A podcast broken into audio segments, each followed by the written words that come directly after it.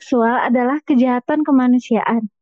Tema tersebut mungkin tepat untuk digunakan sebagai representasi setiap kasus kekerasan seksual yang terjadi. Kekerasan seksual sendiri memiliki bentuk yang bisa dilakukan di mana saja, kapan saja, oleh siapa saja, kepada siapa saja, dan merupakan salah satu permasalahan yang sering ditemukan di sekitar kita.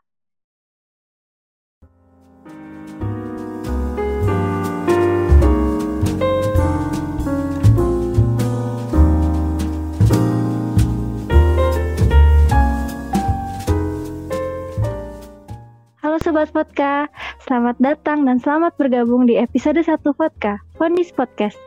Sebelumnya kenalin dulu nama aku Dekintan Zahra. Di sini aku bakal jadi host buat ngebawain episode pertama Vodka. Sebagaimana yang telah kalian dengar di awal, kali ini kita akan membahas hal yang bersangkutan dengan kekerasan seksual. Khususnya lagi, kekerasan seksual di lingkungan kampus. Tapi di sini aku nggak bakal ngebahas isu-isu itu sendirian. Di sini telah hadir dua narasumber yang terpercaya untuk ngebahas lebih jauh mengenai isu tersebut.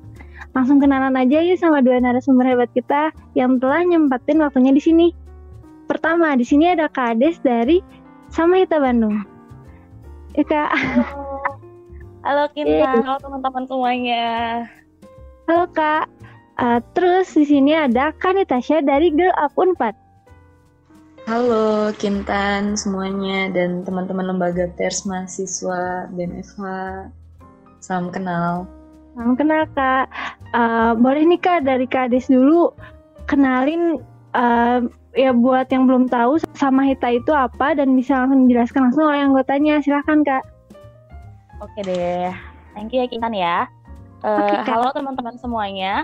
Uh, perkenalkan nama aku Ades dan aku dari Divisi Pendampingan sama Hita Bandung dan sama Hita sendiri itu adalah organisasi yang bergerak di bidang uh, kekerasan berbasis gender dan kekerasan seksual. Jadi kita juga selain uh, kegiatan yang mengedukasi teman-teman mengenai gender, seksualitas, kita juga mengedukasi teman-teman muda untuk uh, apa lembaga pendampingan untuk teman-teman yang ingin uh, yang butuh bantuan mengenai perspektif tentang seksual gitu.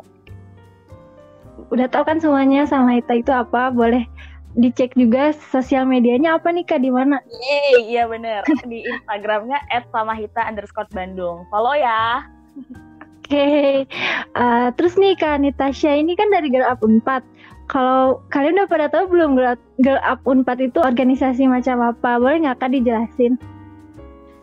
Ya, halo. Uh, aku Nitasha di sini sebagai presiden dari Girl Up Unpad. Jadi kalau Girl Up Unpad itu organisasi yang diinisiasi oleh beberapa mahasiswa aktif Universitas Pajajaran. Uh, kurang lebih sama ya kayak sama Hita, kita juga memiliki dedikasi dan perhatian bersama dalam isu-isu perempuan dan kesetaraan gender. tapi kita khususnya bergerak di dalam lingkungan Universitas Pajajaran nih dan kita bertekad ingin melakukan perubahan yang perlahan namun pasti untuk membumikan uh, isu-isu tersebut gitu. Wah keren banget nih, bangga banget sih ada organisasi keren itu di Unpad. Gimana kalau misalnya kita langsung aja ke pembahasan kita kali ini? Aku mau nanya-nanya banyak hal nih ke Kak Ade sama Kak Natasha, boleh nggak Kak? Boleh, boleh. Banget dong. Pertama, apa aja sih yang jadi titik utama bahwa suatu perbuatan itu bisa disebut kekerasan seksual? Uh, boleh dari Kades dulu deh. Oke, okay. jadi sering kali ya, uh, kemarin sempet nge-live bareng sama temenku, kita ngomong soal kekerasan seksual, pelecehan seksual, tapi kebanyakan orang-orang tuh bingung bedanya tuh di mana uh, sama sering juga disangkut pautin perkosaan. Itu tuh bedanya apa? Dan kekerasan seksual itu apa? Jadi kekerasan seksual itu sebenarnya intinya adalah salah satu bentuk opresi ya. Uh, perbuatan kepada seseorang yang tujuannya adalah menguasai individu tersebut agar mengikuti aktivitas seksual yang tidak dikehendakinya. Jadi poin outnya adalah tidak dikehendakinya. Dengan berbagai cara ya nggak cuman uh, menggunakan kekerasan tapi bisa juga memanipulasi dia memanipulasi cara berpikir dia dan biasanya selalu ditandai dengan adanya ketimpangan relasi kuasa. Tuh. Sedangkan kalau pelecehan seksual itu adalah tindakan seksual fisik atau non fisik yang sasarannya adalah uh, organ seksual seseorang atau seksualitasnya dia dan tujuannya ini beda nih. Tujuannya adalah untuk menciptakan ketidaknyamanan, ketersinggungan atau bahkan merendah sahabatnya orang tersebut gitu. Jadi kalau kekerasan seksual ini pokoknya dan buah-buahnya tuh jenis-jenisnya tuh banyak. Ada pelecehan seksual, ada perkosaan, ada intimidasi, eksploitasi, ada banyak lah, ada 15 yang dirilis sama Komnas Perempuan. Sebelumnya ada 9, tapi sekarang ada 15 dan mungkin ke depannya akan bisa nambah lagi gitu. Nah, pelecehan seksual itu bagian dari kekerasan seksual gitu. Ah gitu kak. Kalau dari Kanitasha sendiri gimana nih tanggapannya? Iya, uh, kurang lebih aku sepakat ya sama Ades. Jadi memang pelecehan seksual ini adalah salah satu bentuk dari kekerasan seksual yang pada intinya uh, merupakan bentuk diskriminasi seksual ya yang dapat terjadi sama siapa pun, mau itu perempuan dan laki-laki. Dan juga bisa berupa pelecehan verbal, non verbal gitu ya, seperti fisik. Dan contoh-contohnya tuh dari yang sering kita temui dalam keseharian seperti komentar atau candaan candaan penghinaan yang bernada seksual gitu ya uh, catcalling kemudian kayak menunjukkan gambar atau pesan dalam digital yang itu bersifat eksplisit dan mengandung konten seksual tanpa ada konsen seperti itu terus sengaja melakukan uh, sentuhan-sentuhan atau uh, tatapan-tatapan kepada uh, tubuh orang lain yang membuat orang lain tersebut tidak nyaman kayak gitu contohnya. Uh, tadi kan Kak Natasha nyebut tuh tentang konsen. Gimana sih Kak konsen itu penting di kekerasan seksual ini? Konsen itu kan berarti persetujuan ya. Tapi sebenarnya konsep dari konsen itu lebih luas dari itu. Yang mana kita itu uh, dengan sukarela gitu ya, tanpa di bawah tekanan, tanpa ada paksaan atau intimidasi atau manipulasi gitu. Jadi ketika kita uh, ingin ingin atau men menyetujui sebuah uh, aktivitas seksual itu dengan uh, dengan kenyamanan kita gitu. Jadi konsen juga harus diberikan misalnya uh, dengan pertanyaan gitu. Uh, aku aku nggak apa-apa nggak kalau misalnya pegang tangan kamu atau uh, cium kamu kayak gitu. Jadi intinya konsen itu tidak ada unsur paksaan, tertekan, merasa tidak nyaman, terpaksa atau manipulasi-manipulasi gitu ya. Kalau menur menurut aku sih konsen juga eh, apa namanya didapatkan dengan prakondisi-prakondisi tertentu, misalnya dengan eh, si pemberi konsen ini tidak di bawah umur, kemudian dalam keadaan yang sadar gitu ya, dan mengerti konsekuensi. Kalau dari aku itu sih. Uh, boleh aku nambahin ya? Boleh kak. Iya, jadi aku sepakat banget sama Nita gitu ya. Uh, konsen itu sebenarnya nggak selalu harus dipraktekkan dalam aktivitas seksual. Kalau misalnya kita mau praktekin konsen itu sebenarnya dalam semua aspek kehidupan, kehidupan sehari-hari. Apalagi kalau misalnya hubungan orang tua sama anak penting buat nanyain konsen dia gitu dalam segala hal gitu. Kamu mau makan ini atau enggak? Kamu mau bahkan dalam hubungan pertemanan juga gitu kan. Kita kan uh, teman-teman yang dalam range kampus gitu ya uh, kita harus biasain tuh uh, menanyakan ah, uh, konsen dari teman-teman kita gitu. Kamu mau ini atau enggak? Aku boleh ini atau enggak? gitu.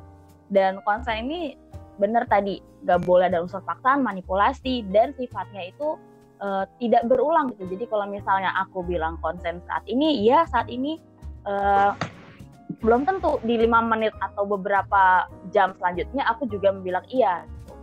Ada juga beberapa orang yang bilang kalau misalnya e, konsen itu harus secara verbal nggak sih gitu. Sebenarnya inti dari konsennya itu bukan tentang verbal atau non verbal gitu, tapi secara sejelas mungkin atau enggak gitu. Jadi ada yang menggunakan bahasa verbal, tapi ada juga yang non verbal gitu.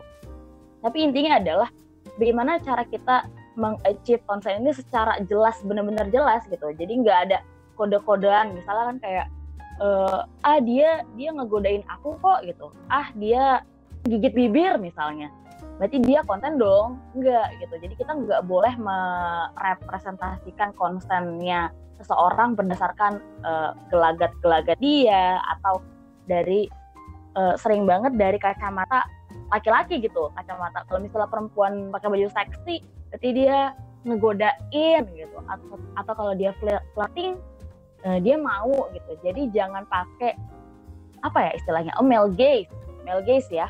Tapi kita harus uh, menanyakan secara jelas gitu. Supaya kalau bisa sampai dia bilang secara jelas apa yang dia mau dan apa yang dia inginkan. gitu. Balik lagi kan kak, berarti konsen itu nggak mungkin didapetin dari uh, ancaman atau paksaan ya sih kak? Yeah. Berarti dalam ancaman juga apakah termasuk kekerasan seksual? Ancaman kekerasan seksual, kalau misalnya ancaman itu sendiri untuk menekannya adalah untuk masuk ke terlibat ke aktivitas seksual bisa jadi ya. Tapi kan ancaman tuh bisa jadi bentuk hmm. perwujudan dari relasi kuasa gitu ya. Semua bentuk kekerasan itu aku percaya kalau misalnya semua bentuk kekerasan itu adalah bentuk dari hasil dari ketimpangan relasi kuasa gitu. Relasi kuasa bisa banyak gitu, bisa bisa sosial, bisa ekonomi, bisa pendidikan gitu ya kalau misalnya dalam uh, lingkup kampus gitu kan uh, ada ya dosen-dosen yang menggunakan relasi kuasa atau teman-teman misalnya dia kalau case-nya dari kakak kelas gitu ke adik kelas ke maru nah ini kan ada relasi kuasanya gitu nah kalau ada relasi kuasanya mereka memberikan power untuk melakukan tekanan-tekanan dari yang memaksakan kehendak ke orang yang uh, di bawah dia secara relasi kuasa gitu. Nah, di situlah bisa muncul ancaman-ancaman yang bisa mengarah ke kekerasan seksual gitu sih. Oh gitu kak. Kalau dari Kanitasnya sendiri gimana nih kak? Tadi uh, ada sempat nyinggung ya soal relasi kuasa dan emang dalam kasus kasus-kasus kekerasan seksual ini tuh seperti uh, salah satu dari penyebab gitu ya penyebab terjadinya kekerasan seksual yang terus menerus dinormalisasi gitu karena salah satu dari pihak yaitu pelaku itu sendiri memiliki uh, menempati ya menempati struktur yang lebih tinggi dari dari si korban. Bisa berupa struktur sosial, ekonomi, gender yang uh, menganggap bahwa perempuan itu adalah gender kelas 2 gitu. Dan apalagi di di lingkungan kampus. Dan itu sering sekali di ditemui begitu ya seperti uh, relasi antara dosen mahasiswa, dosen senior junior, mahasiswa senior junior gitu.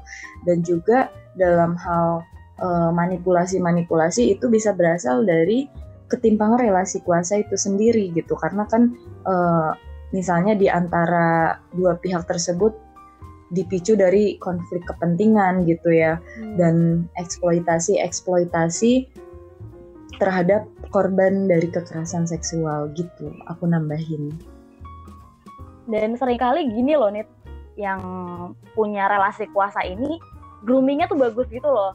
Kayak wah dia mahasiswa berprestasi gitu. Ah dia dosen unggulan kesayangan mahasiswa gitu. Sering gaul gitu sama mahasiswa gitu. Jadi dia punya tampilan-tampilan yang sangat dalam tanda kutip meyakinkan gitu ah ya. gak kok ini cuma dia cara bergaulnya kayak gini aja gitu. Ah dia kan masa berprestasi atau dia sangat religius gitu. Kayaknya nggak mungkin deh dia ngelakuin pelecehan seksual gitu. Jadi perlu ditandai ya teman-teman. Biasanya pelaku kekerasan seksual itu punya punya grooming tertentu untuk memposisikan diri dia di salah satu di di lingkungan sosial gitu. Entah itu dia kelihatan sangat berprestasi, entah dia sangat pintar bergaul, religius gitu ya. Jadi ya kita harus agak kasih flag gitu ya kalau teman-teman yang sangat apa charming gitu. Kak, tadi disebutkan uh, adanya grooming. Grooming itu apa sih Kak kalau boleh dijelasin? Grooming itu tampilan yang dibuat seseorang agar dia terlihat meyakinkan, me, apa mempesona gitu ya supaya dia bisa melakukan manipulasi-manipulasi yang mengarah ke entah itu pelecehan seksual atau perkosaan gitu ya. Jadi itu tuh cuman apa ya tampilan-tampilan palsu gitu ya yang dia buat supaya dia tampak meyakinkan dan bisa memanipulasi. Jadi bisa memanipulasi mengancam. Kayak kasusnya Reinhardt aja ya. Itu kan tampilannya wah gila kan pinter banget dia kan maksudnya terus tadi sering banget di kita dengar di kasus-kasus uh, yang korbannya Reinhardt itu dia bilang oh anaknya baik banget gitu anaknya cerdas gitu terus uh, tampilannya rapi gitu Nah, itu cuma groom yang dia buat untuk manipulasi pola pikir korban secara psikologis gitu. Dan grooming ini nggak cuma bisa dilakukan secara langsung ya kak, bisa juga lewat uh, chat-chat juga kan kayak. Iya benar. Itu sebenarnya lagi agak meningkat ya kalau lewat chat itu kan sebenarnya masuk ke KGBO gitu, kekerasan gender berbasis online. Nah, selama pandemi COVID-19 itu KGBO itu salah satu dari dua yang paling tinggi gitu dalam uh, bisa dicek sama teman-teman di catatan tahunan Komnas Perempuan gitu ya. Kabarnya juga sempat bahas di diskusi aku sebelumnya. Uh, yang pertama adalah kekerasan dalam rumah tangga atau domestic violence. Dan yang kedua adalah KGBO gini. Jadi pelecehan seksualnya cuma pindah platform aja nih teman-teman. Jadi pindah platformnya jadi online gitu karena kebanyakan orang sekarang work from home atau melakukan aktivitas dalam rumah. KGBO itu jadi salah satu bentuk kekerasan seksual yang meningkat gitu. Bener kak, apalagi sekarang lagi uh, kondisinya pandemi COVID-19 gitu, uh. Uh, tensi ketegangan akibat kehidupan yang bener serba terbatas gak boleh keluar, pasti kekerasan lewat berbasis online itu makin meningkat ya kan? Iya bener banget. Jadi orang-orang ngerasa individu yang terrepresentasikan di sosial media itu bukan dia sebenarnya gitu ngerasa hmm. bahwa nah ini mah bukan aku gitu ini mah bukan bukan aku yang aslinya aku yang aslinya nggak akan ketahuan padahal semua ucapan kita yang positif ataupun negatif itu merepresentasikan diri kita. Dan itu berdampak sama orang lain juga. Nggak tahu orang lain merepresentasikannya gimana. Bisa mempengaruhi trauma dia bisa mempengaruhi kenyamanan dia gitu. Cuma pindah platform aja nih. Makanya kita harus mikir kalau misalnya apa yang kita representasikan di sosial media itu diri kita gitu. Sepele komentar-komentar tentang tubuh seseorang tentang bahkan nggak lewat komentar gitu lewat DM itu juga masuk ke pelecehan seksual gitu. Jadi apa yang kita tampilkan di sosial media harus mampu kita pertanggungjawabkan. Benar kak. Kalau dari Kanitasya sendiri gimana nih kak? Uh, sekarang tuh emang lagi marak ya soal KBGO teh. Menurut aku juga cukup mengkhawatirkan. Uh, apalagi kan setiap orang bisa menjadi siapa saja di dalam uh, platform digital itu ya dan bisa melakukan apa pun gitu dengan uh, anonim. Misalnya tiba-tiba ngirim foto berbau seksual apa gitu kan ke orang yang itu tanpa konsen gitu. Kemudian sexting gitu ya dan kayak tiba-tiba aja ngebahas bagian tubuh tertentu lagi-lagi tanpa konsen kayak gitu. Jadi uh, menurut aku kalau soal KBGO juga masih belum begitu ada awareness. Soalnya orang ngiranya kayak uh, terbatas pada kekerasan seksual di dunia nyata gitu ya yang bisa bisa ada uh, korbannya dan pelakunya teh kelihatan gitu. Misalnya padahal di platform jejaring sosial juga uh, sangat mengkhawatirkan dan lebih-lebih nggak kelihatan lagi tuh angka dari si korbannya itu ada berapa banyak kayak gitu bentuknya tuh uh, apa aja sih gitu. Dan sepakat juga tuh tadi kalau di kondisi yang sekarang gitu ya pandemi di mana semua orang waktu itu kan masih berada di rumah dan semakin membuat posisi korban itu rentan dan nggak tahu misalnya mau minta bantuan ke mana. Dan ya tapi harus tetap bertahan tapi terkurung dengan si pelaku. Nah ya teteh juga uh, sangat-sangat uh, mengkhawatirkan kayak gitu kurang lebih benar banget sih kak terus tadi uh, balik lagi ke awal kalau misalnya salah satu penyebab dari kekerasan seksual itu adanya ketimpangan gender uh, itu juga uh, dijelasin gak sih kak gimana maksudnya? Siapa nih? Mangga, Ades, Ades. Ah, kak Ades dulu boleh. Wah, dilempar ya? Tidak ada Aku juga boleh gitu. uh, ketimpangan gender ya tadi di uh, announce-nya ya. Sebenarnya ketimpangan gender tuh salah satu dari ketimpangan relasi kuasa. Jadi yang tadi disebutin Nita juga gitu ya. Ketimpangan relasi kuasa itu kan ada banyak jenisnya ya. Jadi ada ketimpangan relasi kuasa ekonomi, gender, pendidikan, status sosial, umur ya kan. Kayak tadi disebutin juga ada dosen dan mahasiswanya, ada kakak kelas dengan adik kelasnya gitu. Ketimpangan gender juga apalagi ketika kita hidup di hidup di lingkungan yang patriarkis gitu ya, di mana pusat utamanya itu seolah-olah uh, laki-laki itu ada di puncaknya gitu. Sedangkan gender-gender lain itu pelengkap aja gitu, pelengkap dari dunianya laki-laki gitu. Jadi seolah-olah perempuan atau gender yang lain itu ber apa ya berhutang sek, uh, aktivitas seksual pada laki-laki gitu. Kita selalu dilihat sebagai objek seksual, uh, penggoda gitu ya, pelengkap kehidupan laki-laki yang sempurna gitu. Jadi ketimpangan gender itu begitu. Laki-laki kalau misalnya melakukan pelecehan jadi nggak ngerasa salah sama sekali karena dianya mau gitu karena yang tadi lingkungan patriarkis yang dia merasa semua perempuan all thing to them gitu ya ya tembakan gender itu kayak gitu bentuk-bentuknya gitu. Dan itu cuma salah satu dari sekian banyak relasi kuasa apalagi ketika korbannya itu di bawah umurnya dia apalagi ketika korbannya itu ada di bawah status ekonominya dia misalnya si pelaku ini kaya wah itu berlapis-lapis itu ketimpangan relasi kuasanya dan makin sulit. Kalau misalnya si korban ini makin di bawah makin berbeda relasi kuasanya sama dia semakin susah untuk melakukan perlawanan karena semakin less privilege-nya dia dibandingkan si pelaku ini sepakat ya tadi e, nambahin aja mungkin soal relasi kuasa juga berupa spektrum ya misalnya kita uh, menemukan ada satu korban kekerasan seksual dan dilihat latar belakangnya itu dia seperti apa dan pelakunya itu bagaimana gitu. Dan selain itu juga jadi bagian dari budaya patriarki itu sendiri yang menghasilkan ketimpangan tersebut kemudian uh, stereotip-stereotip gender yang masih sangat melekat antara laki-laki dan perempuan, hipermaskulinitas ya. Hmm. Hipermaskulinitas laki-laki tuh yang dianggap superior, jantan, agresif gitu. Jadi uh, si perempuan teh ya dianggap gender kelas 2 yang inferior, permisif dan dipandang ya persepsi perempuan sebagai objek seksual itu juga eh, dampak-dampak dari anggapan uh, superioritas gender itu tadi gitu loh dan masih banyak ya sebenarnya itu kayak emang payung besarnya gitu dari uh, apa namanya ketimpangan relasi kuasa dan yang mengikutinya gitulah istilahnya. Oke terus tadi disinggung juga kan kak kalau misalnya uh, di kampus tuh yang sering terjadi itu antara dosen mahasiswa karena ada ketimpangan relasi kuasa juga. Terus modusnya juga kan gak jarang ditemuin segala macem gak sih kak? Dari modus penelitian lah, biar dapat nilai bagus lah untuk beasiswa. Sebenarnya yeah, ada benang sendiri nggak sih di rentetan kekerasan seksual di kampus ini? Uh, iya benar.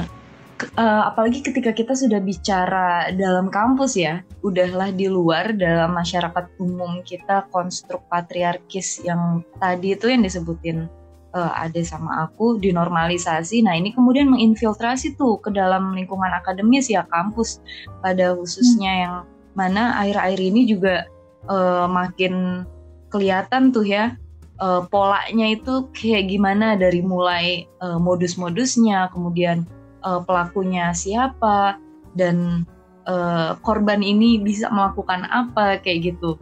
Ditambah di kampusnya lebih riskan karena memang pertama nggak ada lembaga yang memiliki data akurat gitu ya. Kemudian informasi yang menyebar tentang kejadian-kejadian pelecehan dan kekerasan seksual di kampus itu masih cenderung informal ya nggak? Maksudnya tuh kayak cuma dari mulut ke mulut, hmm. spill thread Twitter gitu ya, hmm. kemudian teman dekat gitu ya sifatnya tuh sporadis. Jadi kayak muncul satu kasus ketika di uh, jadi sorotan media gitu. Uh, dan bahkan pada akhirnya ya tersimpan sebagai rahasia oleh korban sendiri. Benang merahnya ya tadi normalisasi dari pelecehan-pelecehan seksual itu menginfiltrasi ke dalam kampus, kemudian fenomenanya juga yang terjadi cenderung gunung es gitu ya tampak di permukaan doang gitu jadi lingkungan akademis yang memang seharusnya itu menjadi uh, ruang aman kita untuk belajar mengembangkan diri dan ber, uh, berinovasi ini kok malah jadi sarang predator seksual.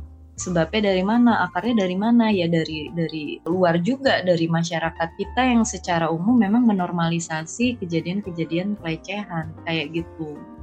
Hmm. mau nambahin juga ya?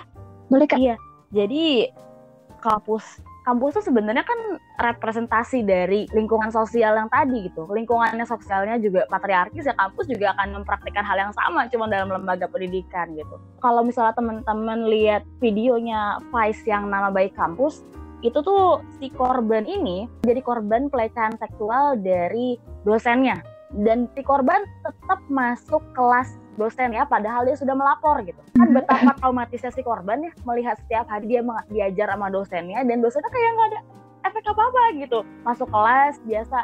Kan itu bakal berpengaruh sama psikologi si korban gitu ya. Ketika pengalaman traumatisnya dia diulang-ulang-ulang-ulang terus dia ngelihat si pelaku terus gitu. Dan ini nggak cuman kayak gitu gitu. Pernah ada dampingan aku dia sama kakak kelasnya dan harus ngelakuin sidang umum jurusannya yang antara internal mahasiswanya. Nah itu dia dipertemukan langsung tuh sama si pelakunya di satu sidang yang sama gitu kan susah ya buat si korban untuk menceritakan uh, permasalahan dia, beban dia gimana, historinya kayak gimana. Ketika dia dipertemukan sama pelaku yang literally masih triggering buat dia gitu. Jadi kampus ini belum punya sistem yang jelas gitu, belum punya sistem yang jelas untuk perlindungan korban dan belum ada perspektif korbannya gitu. Masa sih korban ketika mengalami pelecehan seksual dalam kampus, tapi kampusnya tuh tidak tahu menahu malahan menunggu hukum pidana yang di uh, yang dibuat sama kepolisian atau di luar kampus itu sendiri gitu. Harusnya sebelum sampai ke luar ke eksternal kampus ini harusnya punya hukum administratif sendiri gitu. Entah itu si pelaku dikenakan kode etik mahasiswa supaya tujuannya adalah melindungi korban dulu gitu. Melindungi korban untuk punya safe space gitu circle yang aman agar tidak diungkit-ungkit lagi traumanya gitu ya.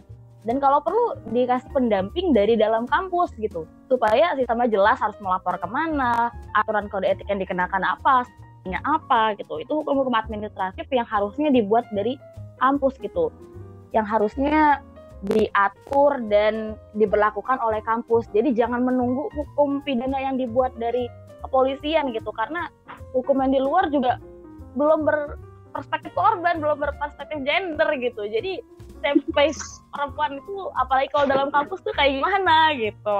Sangat miris gitu. Miris banget emang. Kalau dari Kanitasnya sendiri gimana? Tadi kan udah disebutin kalau misalnya di kampus itu nggak ada lembaga yang khusus nanganin kayak gini. Dan disebut juga dari sama Kak Adis kalau misalnya seharusnya ada hukum administratif yang mengaturnya. Gimana nih menurut Kanitasnya?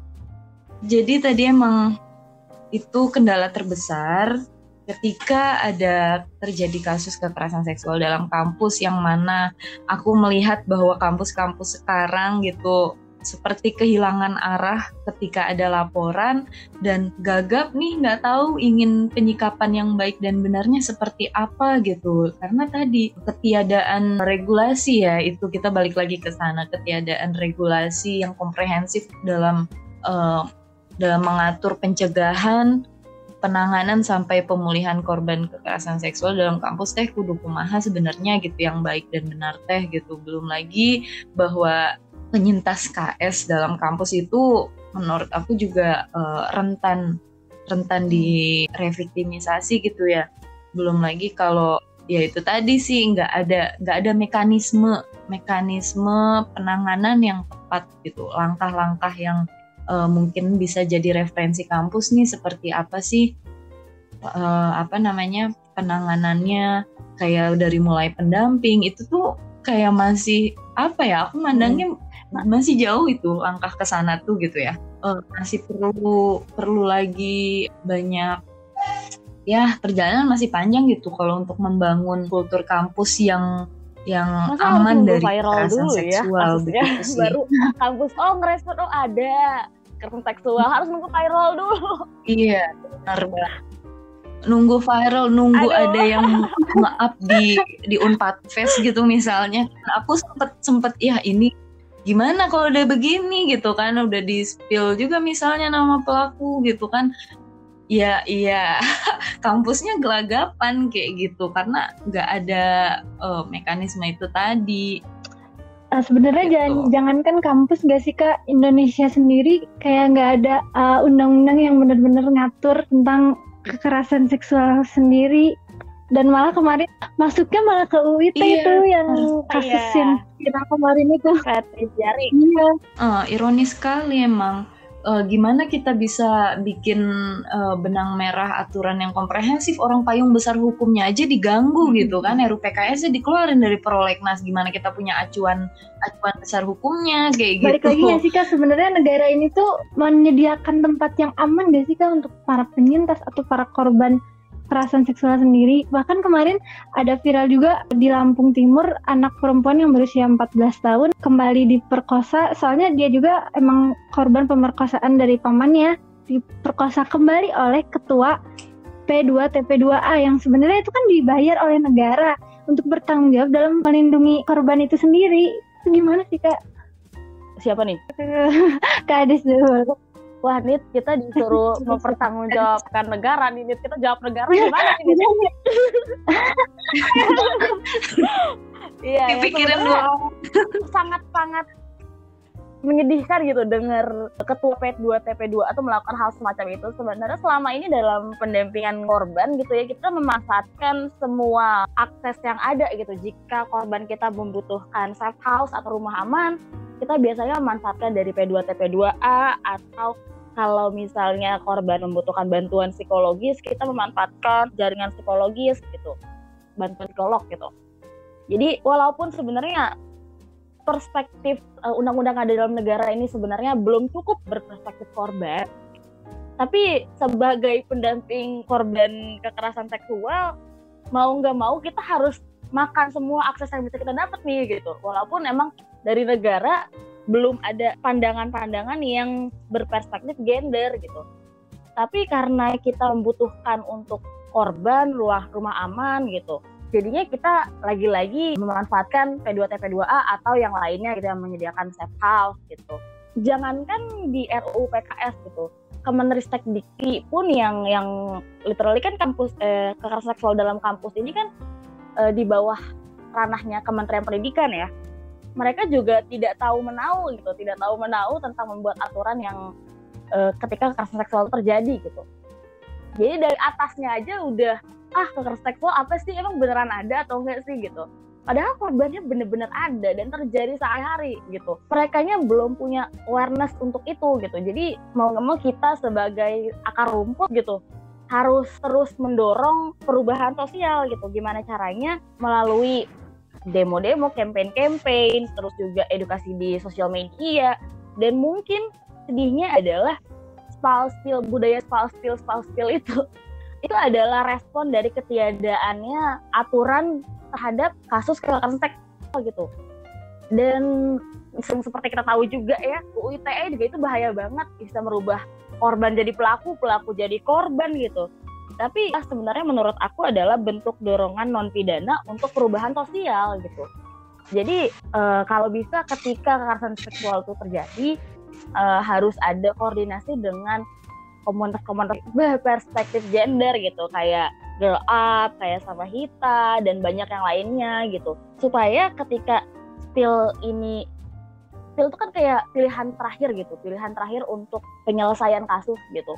Kita bener-bener tahu historinya kayak gimana, sudah dicari e, secara komprehensif kasusnya seperti apa gitu. Jadi nggak ada spill yang ada unsur balas dendamnya gitu. Kita sudah memikirkan dengan matang gitu. Jadi ya kita menunggu menunggu aturan yang benar-benar melindungi korban kekerasan seksual gitu ya. Tapi juga kita nggak nggak boleh diem dan berpatok sama negara gitu. Kita harus menggerakkan semua kemampuan kita semua platform-platform yang kita punya. Karena sekarang kan sudah ada perkembangan ya kalau dibanding uh, beberapa waktu sebelumnya gitu. Sekarang udah ada nih orang-orang yang mulai aware soal kekerasan seksual oh ada tuh pas selama ini yang gue terima itu kekerasan seksual gitu. Udah ada orang-orang yang uh, mulai memberikan perhatian khusus gitu. Nah kita nggak boleh ngelepas orang-orang ini dan menyerah gitu. Kita harus uh, ngegerakin akar rumput kita, media sosial kita, dan teman-teman uh, podcast ini juga melakukan hal yang bagus gitu ya untuk menyebarkan awareness ke teman-teman di Unpad. Harus kayak gitu gitu. Harus terus kita gerakin bareng-bareng karena kalau misalnya kita sendiri-sendiri nggak akan bisa gitu Kanitasnya sendiri gimana kak? Uh, jadi emang kalau kita mempertanyakan ikhtiar negara itu masih masih sangat jauh karena selama ini benar kata Ades kita lebih banyak uh, menggerakkan eh, komunitas-komunitas atau organisasi akar rumput gitu yang yang mana itu menjadi tempat bergantung bagi penyintas dan korban kekerasan seksual gitu ya sebagai upaya pemulihan mereka uh, juga kepada lembaga-lembaga pengada layanan berbasis masyarakat gitu karena ya negara masih sangat terbatas perannya dalam menyediakan layanan pemulihan gitu. Kehadiran lembaga pengada layanan itu kan padahal penting ya secara komprehensif dalam memberikan pendampingan untuk pemulihan bahkan sampai ke proses hukum kayak gitu. Kalau ngomongin soal kayak uh, ya makanya uh, ada organisasi gitu seperti Samahita dan teman-teman uh, komunitas lain yang memiliki concern pendampingan juga gitu uh, untuk mendampingi dan let's say membantu gitu mencari keadilan bagi korban. Tapi nggak jarang juga nih korban berjuang sendiri, berjuang sendiri dari mulai dia mengalami kekerasan seksual sampai ya memulihkan diri gitu karena mungkin faktor ia tidak terjangkau oleh pihak mana pun gitu. Misalnya si korban teh berada di pelosok gitu ya atau uh, kasusnya tuh ditutup-tutupi sama keluarganya. Jadi emang uh, hadirnya eh, LSM-LSM seperti itu yang selama ini bekerja secara swadaya dan sukarela memberikan pertolongan oh, bagi korban kekerasan seksual itu uh, masih belum menjadi perhatian negara gitu loh secara utuh. Ya selama ini berarti kita bergantung sama teman-teman akar rumput dalam organisasi kurang lebih. Tadi kan disinggung juga kalau misalnya nggak jarang korban itu berjuang sendiri dan sebenarnya kasus kekerasan seksual ini kayak gunung es. Sebenarnya apa sih penyebab dari uh, bungkamnya korban atau sebenarnya boleh nggak sih korban itu nggak ngomong hal yang terjadi sama mereka? Iya. Atau lebih baik kita tuh speak up? Gimana sih kak? Nah, uh, memang sebagai uh, aku juga sebagai penyintas ketika uh, mengalami kejadian traumatis tersebut aku ditempatkan dalam posisi yang sangat sangat sangat dilematis gitu ya. Uh, mau lapor, mau cerita itu gak bisa kayak kita curhat biasa. Memang apa namanya ketakutan-ketakutan seperti disalahkan kembali, kemudian dicari-cari kesalahan kita sebagai korban itu masih sangat melekat gitu ya dalam imajinya korban. Jadi mereka kurang lebih merasa banyak sekali uh, dugaan kayak ah nggak mau deh takut nanti uh, bakal dipojokin nih sama keluarga sama temen Terus apa iya cerita gue bakal dipercaya? Apa iya bakalan ada keadilan? Apa iya bisa nih diproses sampai ke pengadilan misalnya? Apa iya pelaku mendapat bisa mendapat ganjaran kayak gitu? Dan kalau persoalan haruskah korban speak up atau enggak, kita harus tanya ya, kita harus balik lagi ke korbannya gitu. Perspektif korbannya seperti apa? Dia uh, dia nyamannya gimana sih gitu. Pun kalau tidak ingin diproses, tidak ingin uh, dilaporkan ke pihak berwenang, gak jarang juga korban cuma pengen cerita gitu loh, cuma pengen cerita untuk melepaskan burden, kayak melepaskan perasaan-perasaan gak enak gitu ya, perasaan traumatisnya dia karena gak ada ruang aman untuk cerita misalnya gitu. Jadi banyak sekali praduga korban karena takut disalahkan. Victim blaming sih yang paling ini ya, paling sering kita dengar dari budaya kekerasan seksual itu kenapa korban takut speak up. Tapi balik lagi harus nggak harusnya itu kita balik lagi ke korbannya ditanyakan gitu. Kalau dia cerita atau apa pokoknya dengerin dulu aja. Atau ya kalau e, ingin dipendem ingin kayak ya ada loh sampai bertahun-tahun gitu ya nggak cerita 20 tahun kemudian baru berani speak up itu banyak juga yang kayak gitu. Jadi ya kita tidak bisa memaksakan juga kayak gitu sih. Dari Kade sendiri gimana kak? Hmm, kalau dari aku, uh, kenapa sih korban itu nggak berani ngelapor? kebanyakan korban yang mengalami kekerasan seksual itu merasa bahwa apa yang terjadi sama diri dia adalah aib gitu ya. Justru yang merasa hmm. merasa oh ini adalah hal yang buruk, ini adalah aib itu terjadi itu yang yang mikir gitu korban gitu, bukannya pelaku sebagai sumber masalahnya gitu. Jadi ada ada ada logika kebalik gitu, di mana kita terbiasa yang tadi dibilang mem, uh, blaming gitu. Jadinya si korban ini kenapa nggak ngelapor? Ya karena dia rasa malu itu aib gitu. Itu aib buat dia. Itu adalah pengalaman yang sangat traumatis buat dia gitu. Selain malu ini juga malu ini nggak diemban sama diri dia sendiri tapi sama lingkungan dia juga sama lingkungan komunitas keluarga sama teman-teman. Seolah-olah keluarga ini mengakui bahwa kerabat mereka mengalami kekerasan seksual itu adalah sangat-sangat memalukan gitu sangat mencoreng nama baik gitu. Ah jadi biasa ya. Nama baik. Nama baik. Yang di yang harusnya berpikir seperti itu kan harusnya pelaku. Tapi sering kali pelaku ini punya kepercayaan diri luar biasa. Oh, publik nggak akan nyalahin gue dulu gitu, nyalahin korban dulu yang hilang harga diri, yang hilang nama baik itu korban gitu. Jadi ada kesalahan kesalahan melihat dari orang yang teroperasi dari seksual itu siapa yang ada di dalam publik kita. Terus juga di sama kita sendiri kan kita sebenarnya emang benar ya e, harus berperspektif korban gitu kita nanyain korban ini butuhnya dampingan apa? Kita kan menyediakannya dampingan sosial gitu. Jadi entah dia mau diarahkan kepada bantuan psikologis atau cuman mau didengar aja bener atau mau diproses ke hukum gitu. Jadi diproses ke hukum itu salah satu pilihan tapi memang bukan pilihan yang utama gitu. Karena di proses hukum itu sendiri korban ini dibebani dalam pencarian bukti gitu. Jadi bayangin kalau misalnya korban eh, perkosaan gitu ya, datang-datang harus langsung divisum itu, harus langsung divisum karena buktinya adalah dibebani ke korban gitu ya. Terus baju-bajunya itu harus langsung ditaruh di tempat plastik gitu supaya tidak hilang tuh barang bukti gitu. Bayangin betapa banyak bebannya korban untuk melapor gitu udah mah dibebani untuk mencari bukti terus ntar uh, ngelapor ke kepolisian polisiannya juga victim blaming kamu pakai baju apa kamu kenapa pulang malam segala macem. Ditambah lagi lingkungan sosial juga menambah beban korban untuk merasa malu untuk memikir bahwa berpikir bahwa itu adalah aib dia gitu. Belum lagi yang dimiskinkan gitu. Dimiskinkan karena oh ini korban kekerasan seksual, pelecehan seksual, dia punya nama yang tercoreng gitulah. Jadi dia bisa di DO atau dipecat gitu. Banyak banget yang dibebani sama korban. Dan yang bisa kita lakukan itu apa gitu. Kita harus menjadi teman baik gitu. Karena teman-teman di sini udah tahu, udah dengar betapa beratnya menjadi korban, kita harus memberikan ruang aman itu, ruang aman yang nggak bisa dijamin sama negara, itu kita harus buat gitu.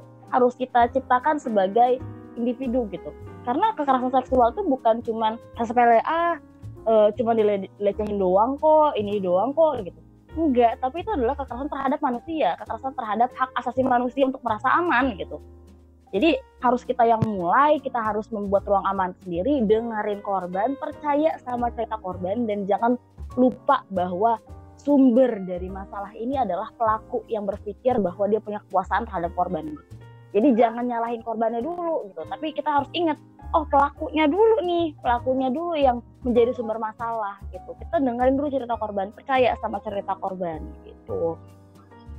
Hmm, berarti itu bisa masuk ke cara merubah gimana sih pandangan kita uh, dalam memandang tindak kekerasan seksual. Kalau dari Kanitasya sendiri uh, gimana nih? Selain yang udah disebutkan kalau misalnya tadi sama Kades ruang aman yang harus diciptakan selain itu gimana Kak? Persoalan ruang aman ya yang menjadi uh, atmosfer ketika korban ingin mencari keadilan atau sekedar mau cerita lah gitu sama teman dekat. Dan emang penting sekali gitu bagi kita uh, misalnya teman-teman yang bergerak di komunitas atau organisasi uh, membangun safe space itu gitu loh. Karena kan biasanya itu tadi korban kebanyakan mungkin dia berjuang sendiri gitu atas uh, kejadian traumatis yang dialami belum lagi menyalahkan diri sendiri kemudian kejadian itu juga aib gitu bagi korban. Jadi anggapan-anggapan itu seperti uh, perlu nih ada yang meyakinkan bahwa enggak kejadian traumatis itu bukan salah kamu, itu itu memang murni karena memang ada pelaku gitu ya. Apa peran dari ruang aman itu sendiri penting untuk meyakinkan korban agar merasa dia tidak berjuang sendiri, ada yang mendampingi lah istilahnya kayak gitu sih. Sebenarnya kalau misalnya kita ngerasa bakal jadi calon atau emang kita seorang korban, apa sih yang harus kita lakuin sih kak? Bagaimana Ibu Ades? Oh, saya boleh kak, boleh kak. Hmm, oke oke oke. Oke buat kamu di luar sana yang merasa oh jangan-jangan yang gue alamin ini kekerasan seksual gitu jangan-jangan gue selama ini dilecehin gitu. Jangan-jangan selama ini gue dalam kondisi yang tidak aman gitu. Buat teman-teman yang di luar sana mungkin mempertanyakan hal seperti itu aku tahu itu berat buat kalian gitu ya. Tapi mengakui itu kejadian sama kalian mengakui dan mempertanyakan sama diri kalian sebenarnya apa sih yang terjadi saat itu dan e, bagaimana perasaan saya terhadap hal itu gitu mengakui hal itu terjadi adalah salah satu langkah dalam pemulihan. Jadi diakui aja dulu. Nggak, aku nggak usah nggak usah sibuk untuk berpikir ah gue harus lapor ke mana. Nggak diakuin dulu, diakuin.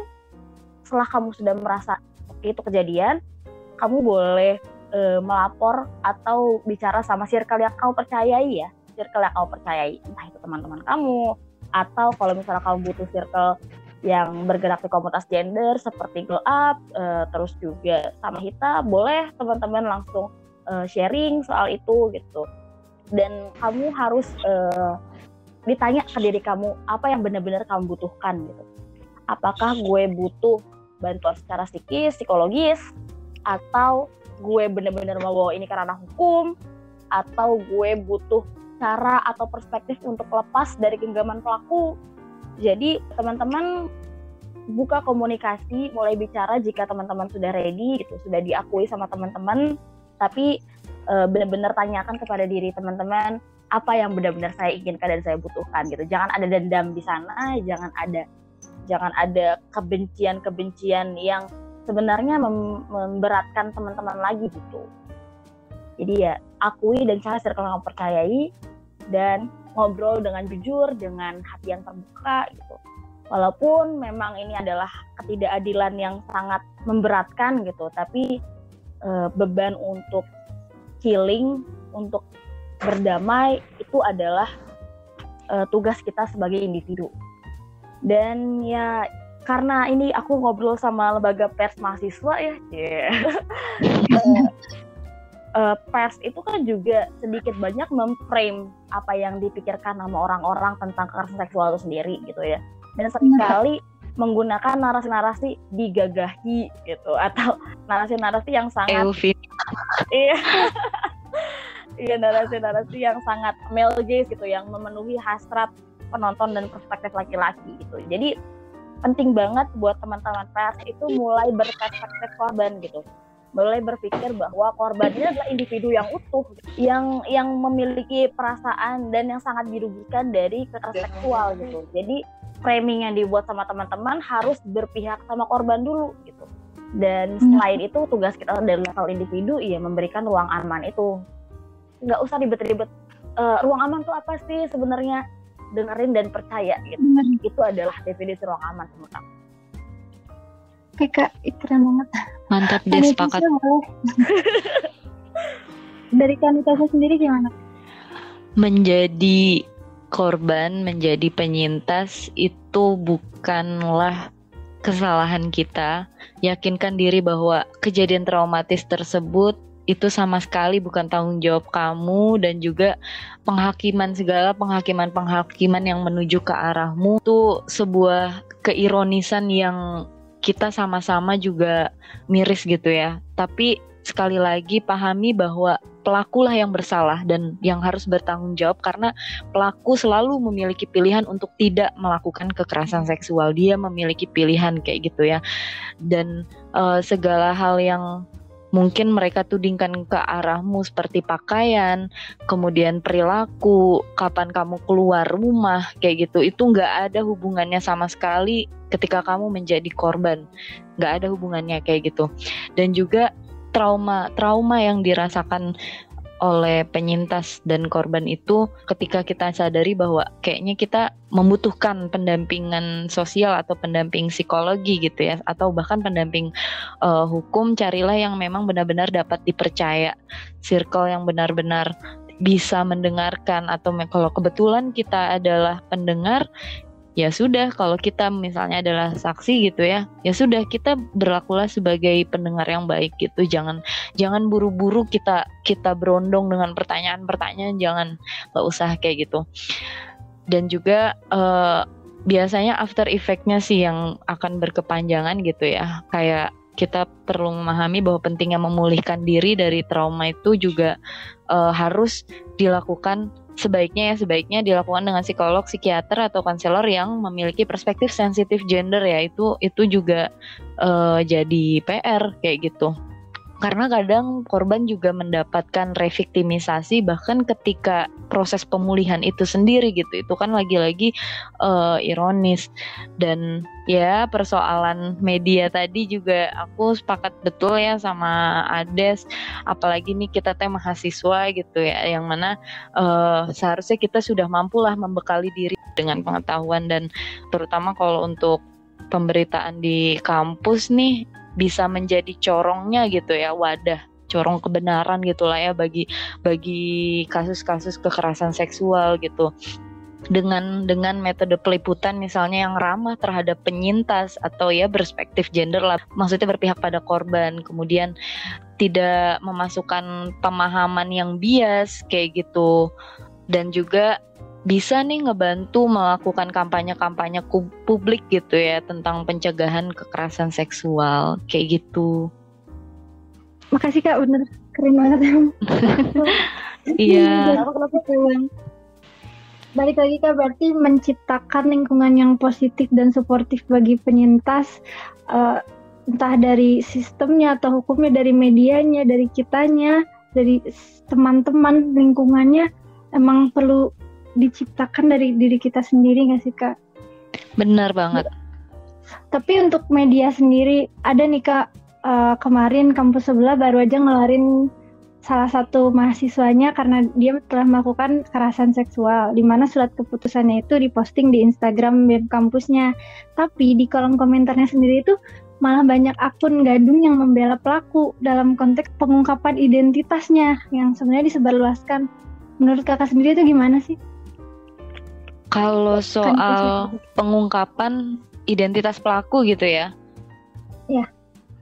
Sebenarnya uh, ini bisa apa gimana ya? Itu tuh menurut aku agak bisa jadi agak tricky gitu karena kadang ngelit itu ke uh, doxing gitu ya. Jadi kayak pembukaan identitas yang benar-benar kayak itu tuh justru malah jadi uh, membahayakan uh, pelaku gitu. Tapi tapi sebenarnya uh, pembukaan identitas ini juga sudah diwacanakan uh, banyak orang yang mana sebenarnya kalau di up ke media justru yang harus dibuka misalnya mukanya gitu mukanya nggak jangan di blur nama lengkap kemudian latar belakang si pelaku ini bernaung di mana gitu misalnya di kampus apa atau di organisasi organisasi apa itu perlu untuk dibuka sebagai uh, penghukuman sosial gitu ya sanksi sosial bisa memberikan efek jerah juga kayak gitu. Nah tapi jangan sampai misalnya kayak pelaku nih malah jadi dia ada kesempatan untuk melakukan itu di tempat lain misalnya di organisasi A oke okay, dia udah dikeluarin gitu ya di kampus A dia sudah di dewa tapi di tempat lain uh, dia bisa masih bisa melakukan kekerasan seksual gitu. Nah ini gimana nih? Misalnya kayak untuk memutus akses dia untuk memiliki pekerjaan tertentu kayak gitu. Jadi kayak semacam ada uh, ininya lah ya bahwa si eta teh pernah menjadi pelaku kayak gitu. Nah, tapi menurut aku kalau dalam media ya memang yang penting itu sebenarnya nama lengkap pelakunya disebutin, mukanya nggak usah di blur. Tapi kalau korban justru yang benar-benar kita lindungi identitasnya, hmm. benar-benar harus diprotek banget nih uh, identitas korban itu sendiri, latar belakang dia ada di organisasi atau kampus uh, mana misalnya, atau alamat rumah bahkan keluar or, orang tuanya siapa gitu. Itu yang benar-benar harus di keep gitu ya. Karena itu tadi penghakiman-penghakiman dari netizen gitu kalau di up di media yang emang kadang apa ya kayak mikir teh meni meni kejampisan gitu. Itu sih jadi memang harus harus uh, ada yang melindungi gitu ya dari identitas si korban. Lagi-lagi kita mikirin bagaimana keselamatan dan keamanan korban nih ketika misalnya kasusnya sedang diproses. Kayak gitu sih. Oke kak, kalau dari Kak Adis gimana kak? Iya, pengungkapan identitas pelaku itu sebenarnya menurut aku adalah respon dari ketidakadanya aturan yang melindungi korban kekerasan seksual itu. Jadi selama aturannya nggak ada nih, selama RUPK kagak jadi-jadi, terus aturan dari Kementerian Pendidikan atau dari kampus itu belum ada, maka budaya e, pengungkapan identitas identitas pelaku ini otomatis jadi hal yang terus-menerus bakal terjadi gitu. Nah, pengungkapan identitas pelaku ini seperti nama atau foto pelaku itu penting banget harus di-share karena siapa tahu ada korban lain gitu ada korban lain yang sama ini gak sadar gitu. Contoh uh, kasusnya Dedi Sutanto yang uh, ya tahu lah ya teman-teman. Nah itu kan ketika di share uh, di sosial media itu kan langsung banyak ya yang lapor gitu. Langsung banyak sadar, oh iya gue juga kena nih, gue juga kena. Gitu.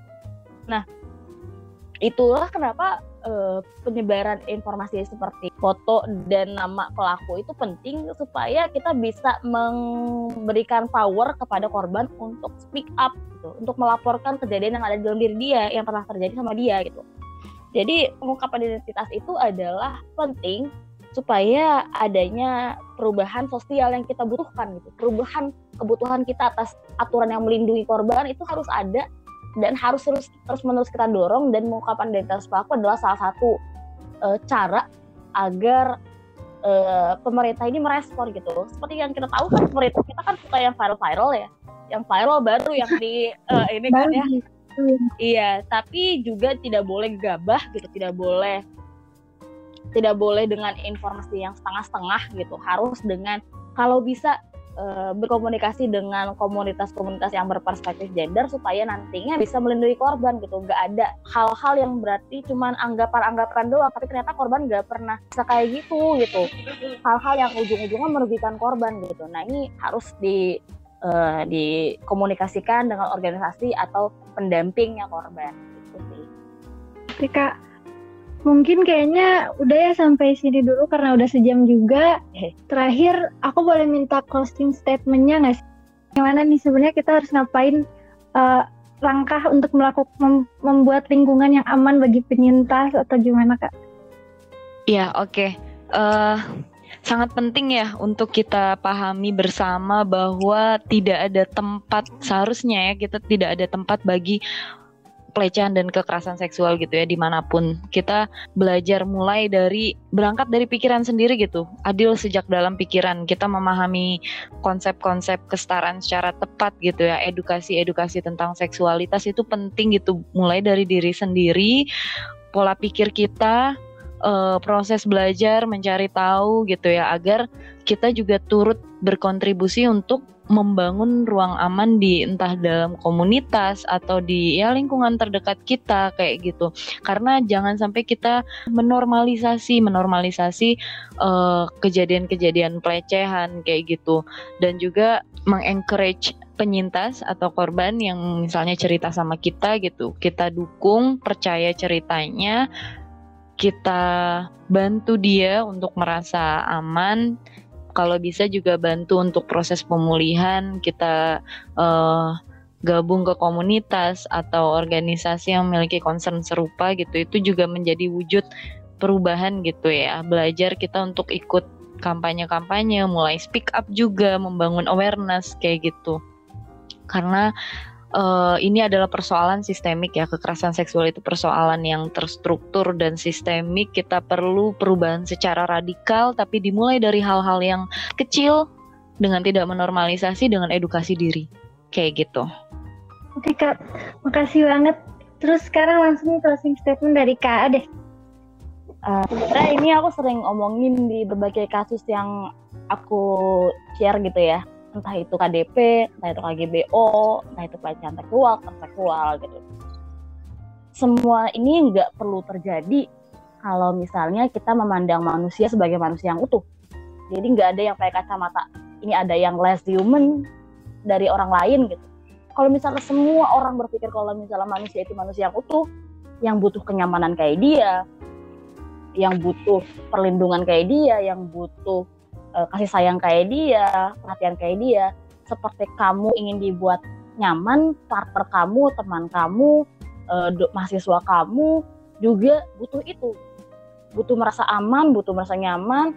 Jadi setiap tindakan yang mau kita perbuat, kita kasih kacamata ke diri kita, oh dia manusia juga. Apakah nyaman kalau misalnya gue berbuat seperti ini, seperti gue berbuat ke diri gue sendiri? Gitu ya. Pandanglah orang manusia lain selayaknya manusia yang utuh, dan ingat, pelaku itu selalu punya pilihan terhadap suatu perbuatan gitu. Dia memilih untuk melakukan kekerasan seksual, dia memilih untuk melakukan pelecehan seksual.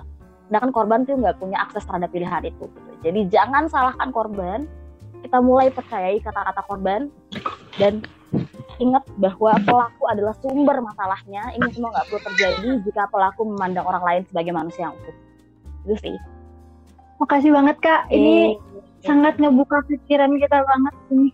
Uh, oh ya kamu mau pantun nggak? Siapa? Ada. Des gue ngomong ya. cakep aja, ya. cakep. oke oke udah ya udah pantun pantun. Dua tiga Irfan Bahdim. Cakep. Astagfirullahaladzim. Des. Thank you, Panis Puntat. Thank you sudah lagi. Thank you, Nit. Siap. Thank you Kak Natasha, thank you Kak Ades. Bener-bener makasih banget udah ngebuka perspektif uh, dari sama itu sama Girl Up ke kita dan nyempatin waktunya di sini. Semoga apa yang kita bahas dapat menambah wawasan pendengar pada so para sobat vodka dan kita harus mulai dari sekarang aware kalau misalnya uh, kekerasan seksual, seksual itu benar-benar ada dan uh, nyiptain ruang yang aman buat para korban. Sampai jumpa di episode selanjutnya. Bye. Bye. Bye.